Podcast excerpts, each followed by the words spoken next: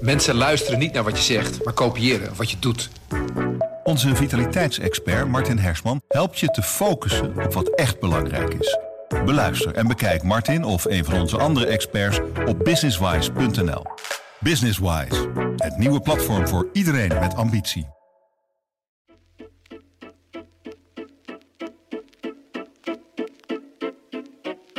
Hallo, dit is Haagse Half Uurtje, de politieke podcast van Trouw. Mijn naam is Christel Smit en ik zit hier met Esther Lammers. Esther, welkom. Ja, hallo. En mijn uh, collega die uh, financiën, toeslagen, fraude en alles wat daarmee te maken heeft volgt. Zeg ik het zo goed? Zeker.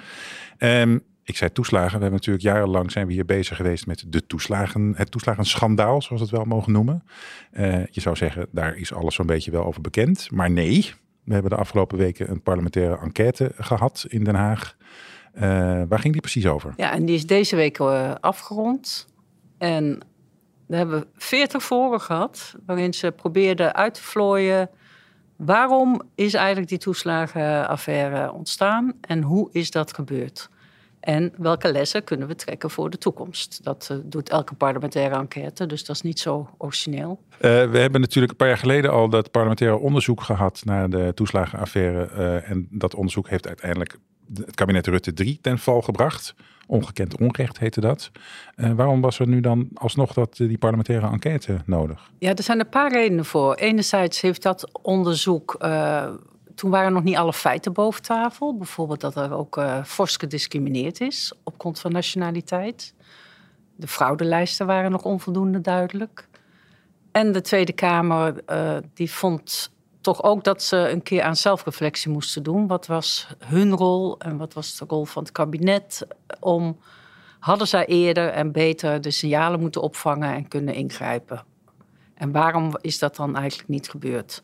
Dus je verwacht eigenlijk met zo'n onderzoek dat je een soort ander soort onderzoek krijgt. Maar ik was wel een beetje verrast. Ik weet niet of je ook, dat ook had, dat we toch weer veel toeslagen ouders en kinderen te horen kregen. Ja, nou, ik heb maar een paar, een paar dingen gezien hoor, via de, het, het, journaal vooral. Hè. Minister Henk Kamp die vroeg nogal wat uh, aandacht met zijn uh, opstelling. Wat, wat, wat, heb jij zelf eigenlijk aan emoties beleefd tijdens die verhoren? Nou ja, als je die ouders hoort en, die, en uh, er was één kind, die was inmiddels 24, die, die vertelde dat hij dus geen jeugd had gehad. Dat, ja, dat is allemaal zeer dramatisch en beklemmend.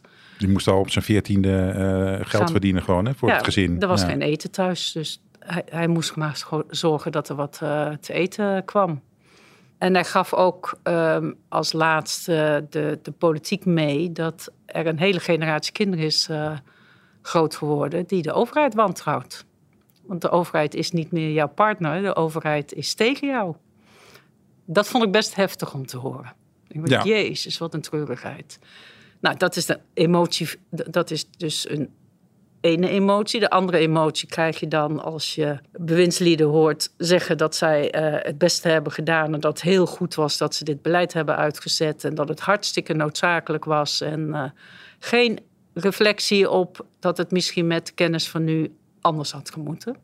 Dan word je weer boos en je wordt verontwaardigd als je ambtenaren alleen maar hoort vertellen dat ze heel loyaal zijn en uh, de wet uitvoeren. En dat ze wel een paar keer een signaal hebben afgegeven. Dat kan niet. Maar ja, ze zijn nu eenmaal ambtenaren, dus ze voeren de wet uit. Ja, en ze deden ook gewoon wat de Tweede Kamer uh, hun eigenlijk had opgedragen, toch? Een politieke ja. wens. Ja, nou, dan kwamen er wat Tweede Kamerleden die dan uh, zeggen: Ja, we hebben wel een keertje een motie ingediend, maar dat werd dan afgewezen. En uh, ik heb een motie ingediend en die werd door de hele Kamer niet eens aangenomen. Ja, de Kamer wilde ook gewoon hard fraudebeleid. Dus ja, wat kun je dan als uh, individueel Kamerlid? In deze voor komt ook wel naar boven wat er gebeurt als er zo'n klimaat ontstaat in de samenleving en in de politiek. Dat iedereen ervan overtuigd is dat er heel veel fraude is en dat er heel hard moet worden aangepakt. En dat elke burger in staat is om wel uh, op een goede manier uh, de uitkeringen en de toeslagen aan te vragen. Want dat bleek dus ook nou. gewoon niet het geval. Oké, okay, hey, bij die voren hebben we natuurlijk heel veel verschillende soorten mensen gehoord. Van slachtoffers, gedupeerden, uh, tot ambtenaren, tot ministers, tot premier Rutte aan toe. En Kamerleden. En Kamerleden zelf ook. Um, wat ik zelf eigenlijk wel het interessantst vond. En ook was... nog deskundigen, een journalist. Sorry, Christophe. Ja, het was best Ja, wel breed. het was breder dan dat. Ja. Ja, het was een Ja. heel, heel eh, palet, waardoor je af en toe het gevoel had, dit is wel een mer à boire. Dat mag ik er toch ook wel even Oké. bij zeggen. Eh, en wat ik zelf dus wel het interessant vond, wat waren die ambtenaren? Die, echt wel, die zag je echt wel worstelen. Hè? En, en die zaten klem tussen politieke wil en hun eigen geweten soms, als ik het zo groot mag zeggen. Ja. Want ze zijn we hier nog wel goed bezig met die mensen zo hard aanpakken. Eh, wa- wat, vond jij, heb jij dat zelf ook eh, gezien, die worsteling? Ja, nou, dat, dat verschilde ook wel weer bij, per ambtenaar. Sommige ambtenaren die zeiden van, nou, we hebben een signaal afgegeven een paar keer en daar werd niet naar geluisterd. Nou ja, dan ga je het maar uitvoeren. Dus een signaal dat het eigenlijk helemaal misging eh, ja, met die van- aanpak. ja, dat het dat gewoon een totale ongeluk eh, gaan gebeuren met burgers. En daar werd niet naar geluisterd. Dus ja, hoe vaak kan je een signaal afgeven? En er is dus blijkbaar, dat is ook het gekke in de conclusie, dus geen, in het hele ambtelijk systeem is er ook niks georganiseerd dat je dus aan die, aan die noodknop kan eh, trekken. En er was ook een klokkenluider, toch? Een eh, 37, of een, wat zeg ik, 73-jarige eh, ex-ambtenaar. Ja. Die had een heel Ja interessant die, heb verhaal. ik, ja, die heb ik ook nog zelf eh, gesproken. En ja, die, die, die constateerde dat, dat hij bij ouders moest gaan invorderen... terwijl ze niet eens antwoord hadden gekregen op de vraag... waarom is is mijn toeslag stopgezet? Ze konden niet eens... Ze hadden bezwaar aangetekend, maar krijgen geen antwoord. En vervolgens wordt er al wel besloten tot invordering. Nou, hij vond dat zo indruisen tegen behoorlijk bestuur dat hij in zijn eentje soms eh, gewoon eh, dat niet heeft gedaan. Maar hij was ook wel zo netjes dat hij eh, bij zijn baas en de baas van de baas en de baas van die baas weer en vervolgens bij de staatssecretaris en de minister persoonlijk is gaan vertellen: jongens, er gaat hier iets helemaal mis. Maar niemand heeft gereageerd daarop. Dus die man is op een gegeven moment echt wel ziek geworden, overspannen. En hij vertelde dat hij nog steeds klachten heeft. Dat was meneer Niesen, hè? Als ik Ja, me meneer Niesen, eh, ja. Ja, ja. En hoe, hoe was hij er nu aan toe? Wat voor een indruk maakte die op jou? Nou, die, wel eh, eh, strijdbaar. ja. En hij hoopte ook echt dat nu echt de onderste steen boven kwam. Nou, dat hopen wij met hem. Ja, en- met al deze misstanden hebben we natuurlijk te maken met verschillende bestuurslagen, om het zo maar te zeggen. Je hebt een ambtelijk apparaat, een minister die iets aanstuurt, een Tweede Kamer die controleert, eh, ambtenaren die het moeten uitvoeren. Heel ingewikkeld bouwwerk. Eh, Is daar iets meer over, hebben we da- daar iets meer over kunnen zien, hoe dat werkt precies? Nou ja, je ziet als, als een kabinet ervan overtuigd is dat fraudebeleid moet, eh, strenger moet, dan gebeurt dat gewoon. Als de adviseurs eh, zeggen we doen het niet, of ik zou het niet doen zo. Ja, we zijn het er niet mee eens, we voeren het wel uit. En vervolgens gaat het naar de Kamer. Maar die Kamer, daar zit een meerderheid van de partijen die ook in de coalitie zit. Dus die worden geacht gewoon in te stemmen. Maar in dit geval was het ook nog gewoon een hele grote Kamermeerderheid. Alleen SP en PvdA stemden tegen die fraudewet. Dus eh, dat er een, klimaat was, zowel in de samenleving als in de politiek, eh, waarin iedereen dacht dat er heel veel gefraudeerd werd, dat valt niet meer te ontkennen. Dat klimaat was er. Of er ook feiten voor waren? Nee, zeiden de ambtenaren. Feitelijk zien we dat hooguit 5% van de mensen echt fraudeert. De rest maakt een foutje, een vergissing of is te laat. Of, nou ja, die, die zou je eigenlijk eventjes moeten helpen. Maar dat gebeurde in die nieuwe fraudewet dus niet meer. Was dat eigenlijk niet ook een heel interessante eh, observatie van dit onderzoek? Hè? Je had dus heel lang had je een klimaat van we moeten die fraude aanpakken. Zo, hoe harder, hoe beter. Dat leefde zowel in de politiek als in de samenleving. Eh, en nu waren er opeens ambtenaren, of opeens, maar dat, dat was al jaren bekend, die zeiden van nou, het is eigenlijk een klein probleem. Ja, dat was ook een interessante eh, observatie. Ook wat eh, oud-minister Kamp daarover zei. Dat eh, zijn ambtenaren tegen hem zeiden... ja, maar er is bijna geen fraude. 95% is geen fraude. Maar, eh, en dat Kamp toen zei... nou, ik heb ook mijn eigen observatie... en het gevoelen in de samenleving is heel anders. Dus ik ben ervan overtuigd dat het twee keer zoveel is, minimaal. En die ambtenaren moesten vervolgens hun mond houden en aan de slag. En dat werd ook niet meer besproken, want Kamp wilde nog veel zwaardere maatregelen. En op het ministerie moest alles verzameld worden, omdat eh, hoe kunnen we zo hard mogelijke wetgeving invoeren? En die topambtenaar, die, een, een topambtenaar vertelde dat hij vervolgens met een lijstje naar Kamp is gegaan. Dit heb ik allemaal verzameld, kies maar uit wat u wil. En dat Kamp tegen hem zei, doe alles maar. En Kamp baseerde zich eigenlijk eh, op een gevoel. Hè? Hij baseerde zich op een gevoel, want toen hem werd gevraagd, waar baseert u dat nou op? Ja, het is toch logisch, zei hij. Maar is het niet ook, het is toch opmerkelijk hè, dat, hij, dat hij dat in die tijd eh, geloofde en zei. Daar kan je nog iets bij voorstellen, want dat, toen was het sentiment. Maar Maar we hoorden geen kennis- reflectie, zeg maar. Nee, met de kennis Nee. van nu zou je zeggen van... Misschien zegt hij van nou, eh, ik heb het misschien toch verkeerd ingeschat. Ja. Maar dat, dat zei hij niet. Nee, daar is, daar is Kamp dan toch niet de man naar. Hij bleef erbij dat het eh, heel goed was om...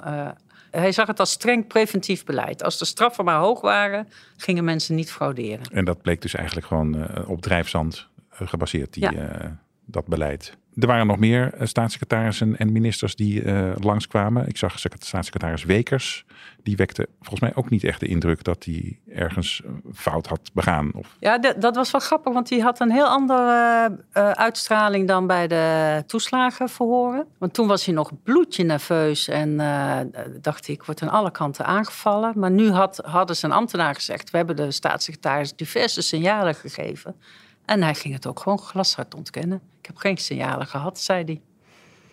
Dus vanuit, van boven werd het straatje weer schoongeveegd eh, naar beneden naar de ambtenaren. naar de topambtenaren en de topambtenaren weer naar lagere ambtenaren. En zo eh, was, het- was het eh, allemaal weer aan het wegspoelen. Dus ja, te hopen valt dat de commissie daar nog eh, een beetje chocola van gaat maken. Ja, en met, met aanbevelingen komt. Wat, Ja. wat verwacht jij van die aanbevelingen? Nou, laat ik eerst zeggen dat ik eh, ehm, het ook wel een beetje een hele grote legpuzzel vond... waar we maar eigenlijk nog steeds een paar puzzeltjes van hebben gezien. Oh jee, dus we krijgen nog meer onderzoek. Maar zij hebben iets van 900 eh, rapporten gehad, documenten noemen ze dat. En ze zijn er al anderhalf jaar mee bezig. Dus wij weten niet wat ze allemaal al nog meer weten. En eh, waarom ze de vragen hebben gesteld die ze hebben gesteld. En ik ben heel benieuwd naar de, de, eh, de conclusies. Maar als ik nou naar deze eh, verhoren kijk, dan denk ik dat het cruciaal is dat ze met adviezen komen om de verbinding tussen de burgers en de ambtenarij te verbeteren. En wel heel snel. Burgers en overheid in het Burgers algemeen en overheid, Dat is ja. natuurlijk het grote eh, Ja, probleem van, want als van je- dit moment. Als de conclusie is toch wel dat zowel in de wetgeving als in de uitvoering fout op fout op fout op fout is gestapeld. De Belastingdienst heeft zelf al 13 wetten overtreden. Als je dat zet tegenover een ouder die bij de rechtbank in Rotterdam komt en die een postcode niet op een formuliertje heeft ingevuld en vervolgens alles moet terugbetalen, dan begrijp je dat niemand meer begrijpt wat er is, waarom dat zo moet. Nee, er gaat iets serieus eh, mis. Nog, nog steeds Ja, eigenlijk. wie hè? bent u overheid om dan zo'n harde boete op, eh, op te leggen? Ja, dat eh, klinkt niet als iets wat wij eh, in één jaar, of wat wij, wat, wat de politiek in één jaar gaat eh, repareren. Nee, dat zit ook natuurlijk in de cultuur inmiddels. Want we hebben natuurlijk twintig jaar liberaal beleid eigenlijk uit, of nou, meer, dan twintig jaar, een aantal decennia liberaal beleid, waarbij dus die, die zelfredzaamheid van de burger en de overheid die zich terugtrekt en als een soort bedrijf gaat opstellen. En u zoekt het maar uit. U moet aan de regeltjes voldoen en eh, dan krijgt u eh, geld. En anders eh, ja, bent u aan de wolven overgeleverd. Ja, zo zijn ook die ambtenaren die daar werken natuurlijk gewend geraakt aan dit systeem. Maar als je een wet gaat maken waarbij die zoveel impact heeft op burgers, ja, dan moet je eigenlijk ook van de overheid verwachten dat ze hoort wat eventueel volgens de gebruikers van die wet, of de, de, degene die er profijt van zouden kunnen hebben, wat zij zien aan wat er in die wet staat, wat er, wat er fout gaat. Ook tussentijds. En die ambtenaren kan natuurlijk niet zo zijn dat zij allemaal toeslagen te stopzetten en nooit een van die burgers spreekt. Nee, Nooit de effecten, nooit iets daarvan eh, hebben gehoord. Dat, dat, is kan echt niet. eh ivoren toren. ja, ja. Eh, Je hebt het over de zelfredzaamheid van burgers, hè, waar heel veel van werd uitgegaan. Maar die, die burger is wel al die jaren geconfronteerd met een steeds ingewikkelder systeem. Met toeslagen en kinderopvang en dit en dat. Ja. Eh, vraagt erover, het het is toch eigenlijk ondenkbaar dat, dat je dan als burger daar je weg in vindt. Ja, nou ja, dan, dan, kijk ik, dan heb ik meteen in mijn hoofd weer eh, minister Kamp die zegt: ja, dat moet, dan moeten ze maar hulp vragen bij, in hun omgeving. Wauw. Eh, ja, dus, dus, maar dat is dan niet zelfredzaam. Dat, dat, dan verwacht je van de burger dat hij een heel breed netwerk van kennissen en vrienden. Ja. En, eh, Maar je zult maar net als als ze Ja. een zoekende status hebben gehad en hier net eh eerste taalkursus hebben gekregen en vervolgens gaan werken. En, want, en je hebt een kind en zo'n toeslag moeten aanvragen. Wauw, ik geef het je te doen. ja, Ik hoorde minister Hoekstra eh, ook nog zeggen destijds eh, dat zelfs hij de moeite mee had om het allemaal goed in te vullen. Eh, goed, dat invullen van formulieren en zo, dat was dus voor burgers al ingewikkeld genoeg. Maar dan had je aan de andere kant een systeem van fraudeopsporing, eh, wat ook heel ingewikkeld in elkaar zat. Wat, wat, wat heeft jou het meest daarover verbaasd wat je daarover hoorde. Nou, dat heeft echt best wel impact uh, op mezelf gehad. Omdat als je de toeslagenaffaire weet en je weet dat daarna bovenmatig veel mensen met een migrantenachtergrond uh, zijn getroffen door die toeslagenaffaire, dan heb je de vraag die blijft hangen: waarom, waarom, waarom? Waarom gaat een overheidssysteem bewust uh, discrimineren? En daar heb ik wel een beetje antwoord op gekregen. En dat heeft te maken met het uh, systeem wat ze gingen invoeren om risico's op fouten die mensen maken sneller op te sporen. En dat was gewoon een computerprogramma van Deloitte. En dat kochten ze in. En toen gingen ze heel stoer. In drie dagen tijd gingen ze daar gingen ze hun data erin voeren. En toen werd het al ingevoerd. Maar die data die ze invoerden, ging dus vooral over de dat mensen in grote steden, dat mensen met een laag inkomen, dat mensen met meerdere kinderen en mensen met een dubbele nationaliteit slash migrantenachtergrond, dat ze hadden geconstateerd dat die het vaakst een fout maakten. Dus dat werd in het systeem gegooid, maar het was ook nog een zelflerend systeem. Dus dat systeem ging die mensen vooral eruit gooien van Belastingdienst, ga die extra controleren. Nou, wat doe je dan? Je gaat selectieve groep mensen uh, extra controleren. Ja, daar komen ook gevallen uit waar dingen fout zijn gegaan. En dat ging weer terug in het systeem. En zo versterkt het systeem zich vanzelf. Het wordt vergrootglas van zichzelf, werd dat. Het werd een vergrootglas ja. van zichzelf. Maar je weet helemaal niet waarom deze fouten eruit zijn gehaald. Want misschien is een individu al bij voorbaat door de Belastingdienst gecontroleerd. omdat hij dacht: hé, hey, dit is een uh, alleenstaande vrouw uh, met drie kinderen met een Surinaamse achtergrond. Nou, daar zal wel iets niet mee kloppen. Dus je kan zeggen dat eigenlijk al bij het invoeren van die allereerste data, daar werd al bij gediscrimineerd. Nou ja, dat, dat ja. En vervolgens ging dat zichzelf versterken. En vervolgens, doordat het een zelflerend algoritme is, versterkt dat zich nog verder. En dan kom je in de fuik waar je nooit meer uitkomt. En dat is een uh, best wel beangstigend uh, systeem. En daar is wel voor gewaarschuwd, maar onvoldoende. Deloitte die het systeem verkocht, die zei die, de mensen moeten goed getraind worden hoe je mee moet omgaan. En je moet ook die elke keer weer updaten, want het is verouderd. Het veroudert snel de informatie en dan klopt het niet meer. Nou, daar, daar hadden ze geen tijd voor. Dus het systeem werd gewoon gebruikt en, en dat werkte heel goed. Ze waren zelf heel tevreden.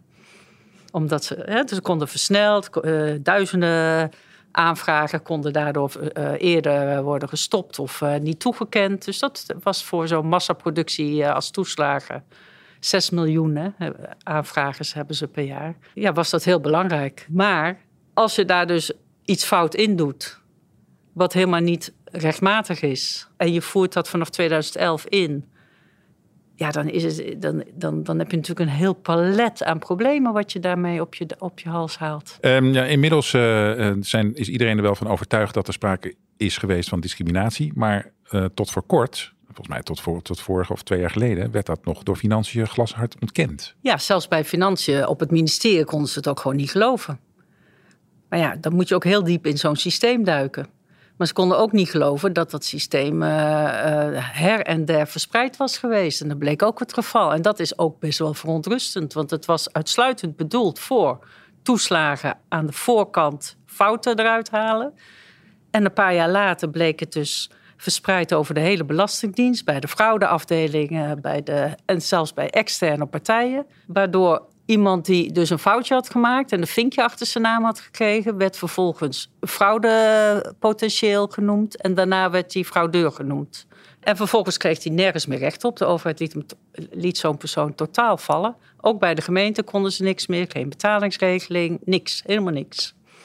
Dus een hard beleid waarbij je zelf een fout maakt en vervolgens nergens je verhaal kan halen bij de overheid, is best wel beangstigend. Ja, ja. Dat was ook inderdaad de conclusie van dat vorige uh, parlementaire onderzoek, dat de rechtsstaat. Uh, ja, dat was de conclusie. Maar toen wilden we dus weten hoe kan het, want dat wisten we nog niet.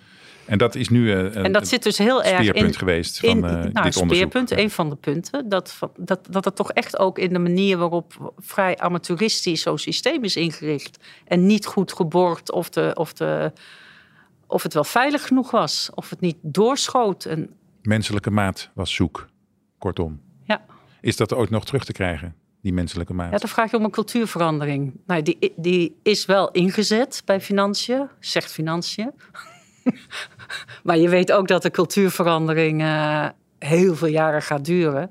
En dit is natuurlijk gewoon in uh, 30 jaar uh, zo'n beetje ontstaan. Als een soort stoomwals langzaam uh, vooruitgerold. Ja. ja, dat de overheid als bedrijf, de overheid die met zelfstandig red, zichzelf reddende, redzame burgers te maken heeft.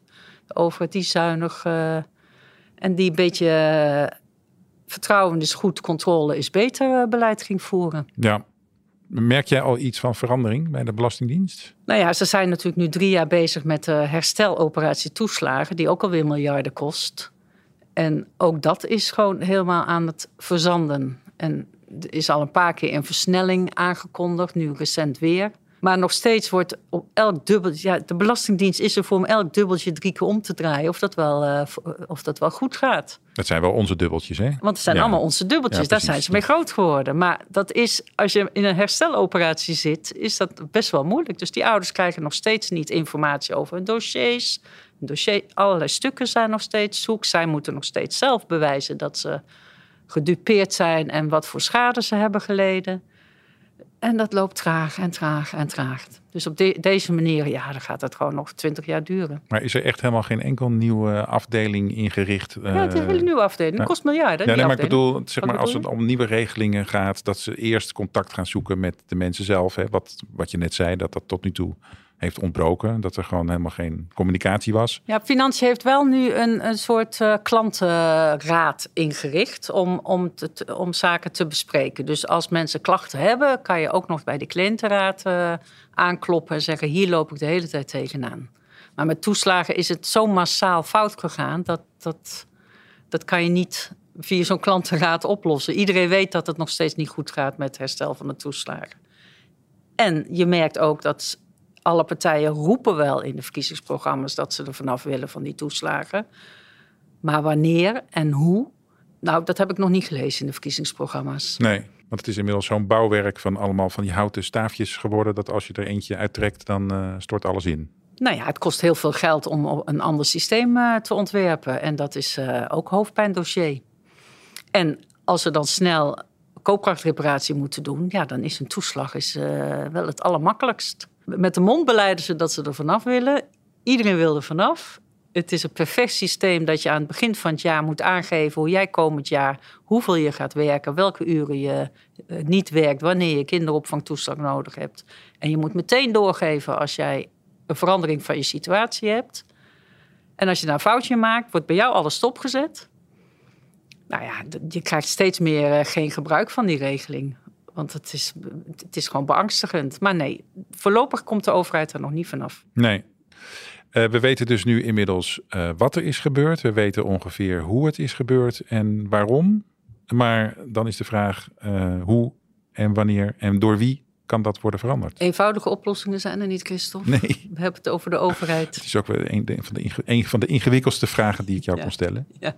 Maar ik denk wel dat bij en bij wetten en bij uitvoering en alle ambtenaren gewoon verplicht moeten worden om geregeld uh, te praten met burgers.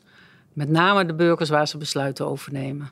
En dat, en dat, en dat je bij een wet gewoon uh, het ook aan een burgerpanel voorlegt. Hoe denken jullie dat het op deze manier gaat uitpakken? Welke problemen zien jullie? En doe er dan wat mee. Negeer het niet. Uh, Oké, okay. Esther, dan was die laatste zeer ingewikkelde vraag maar meteen de laatste. Zal ik jou verder niet nog ingewikkelde vragen stellen? Dankjewel voor jouw uitleg en okay. jouw analyse. Graag gedaan. En waarschijnlijk tot een volgende keer. Want uh, we gaan hier nog wel eventjes uh, mee te maken krijgen de komende jaren. Dankjewel. Dit was Haagse half uurtje voor deze week de politieke podcast van Trouw. Mijn naam is Christel Smit uh, en deze podcast wordt gemaakt door Hanna van der Wurf en George Paul Henneberken. Volgende week zijn we er gewoon weer op uw favoriete podcast-app. Tot dan.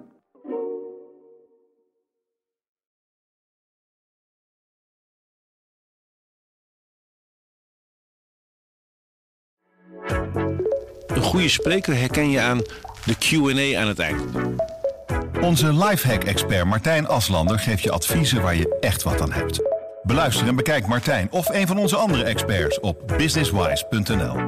Businesswise, het nieuwe platform voor iedereen met ambitie.